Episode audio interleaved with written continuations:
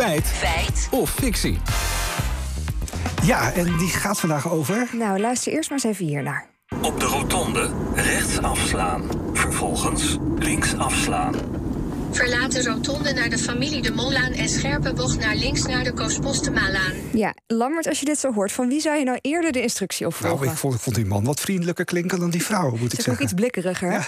Ja. want vandaag in BNR zijn Marion Jager, zij is onder meer de stem van de Connectionbussen en een aantal GPS-systemen, het volgende over mannen- en vrouwenstemmen. onderzoek heeft uitgewezen dat, dat een vrouw, dat de, op, hè, de, de instructies gegeven door een vrouw, ehm, door meer mensen wordt eh, de opdrachten worden opgevolgd dan die door een, die door een man zijn eh, ingesproken. Nou, en dan heeft onze redactie natuurlijk het hele internet afgespeurd naar het onderzoek. Maar het Ja. enige wat we konden vinden was een afstudeeronderzoek uit 2009 van Lieke Heersen van de Rijksuniversiteit Groningen.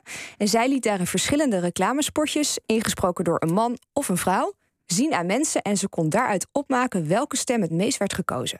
Oké, maar eh, was dat dan wel een betrouwbaar onderzoek? Nou, we hebben haar even gebeld, 14 jaar later dus.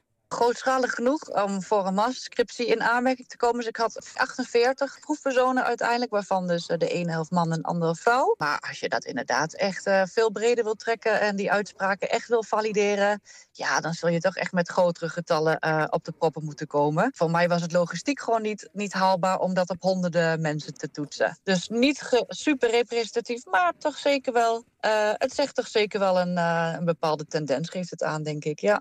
Een bepaalde tendens geeft ze daar. Ja, ze zegt hier dus eigenlijk over haar eigen onderzoek dat het niet eens zo heel betrouwbaar is. Ja, klopt. Heel lastig dus om te achterhalen als er geen onderzoek is gedaan of het nou klopt. Dus we probeerden wat anders. Op voicebooking.com kun je je stemacteuren jouw teksten laten inspreken, vertelt Jelte Klamer. Als ik zoiets hoor, dan moet ik allereerst heel hard lachen. En denk ik, waarom toch altijd weer deze vraag? Nou, hopelijk kunnen we Klamer helpen om dit voor eens en voor altijd de wereld uit te krijgen. Nou, als dit zou kloppen, hoe komt het dan dat we vaker instructies van, van een vrouwenstem opvolgen? Nou, iemand die dat echt wel moet weten is Pascal van Goetem. Zij is de overtuigingsexpert van Nederland en zij zegt dit erover. Ja, het hangt eigenlijk van de context af wat betreft de opvolging. In sommige situaties zullen we inderdaad eerder een vrouwenstem volgen. En vrouwengeluid associëren we in de regel eerder met warmte en vertrouwen en veiligheid. Hè.